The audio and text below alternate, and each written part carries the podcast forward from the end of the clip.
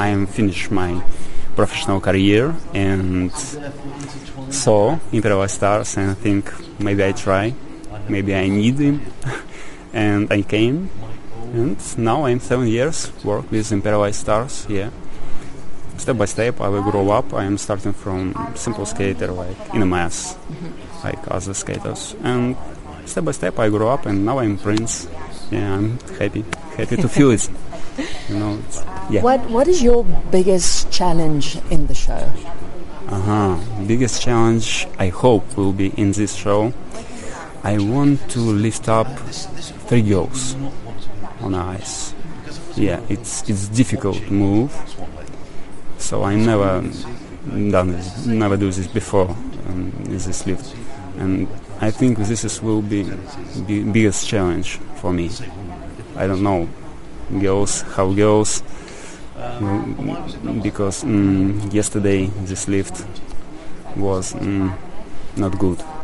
But I hope, yeah, I have uh, three days, four days to warm up, warm up, and I hope will be, all, all will be good with this lift. Because Olga told us that you Yeah. still need to exercise every day. Yeah, of course, because I need to keep a form. Because I always, all time need to warm up, training, gym, some run. You know, I, I need I need take my physical form. It's important because I have a lot of work, you know, ma- many moves, difficult moves, and I I work two two hours. I'm just stand or skating, but I all time um, on ice. It's difficult. Legs intense every minute, you know, every second. I must be in, in form, so I'm training every day. Yeah, I have one rest day, but every day I'm training, all life.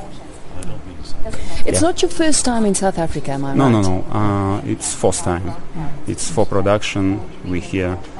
So, like Prince, I'm second time here. Before was um, Nutcracker on Ice. I was Prince in Nutcracker on Ice, and now I'm Prince here. Yeah, I like this place. Warm audience, very good audience.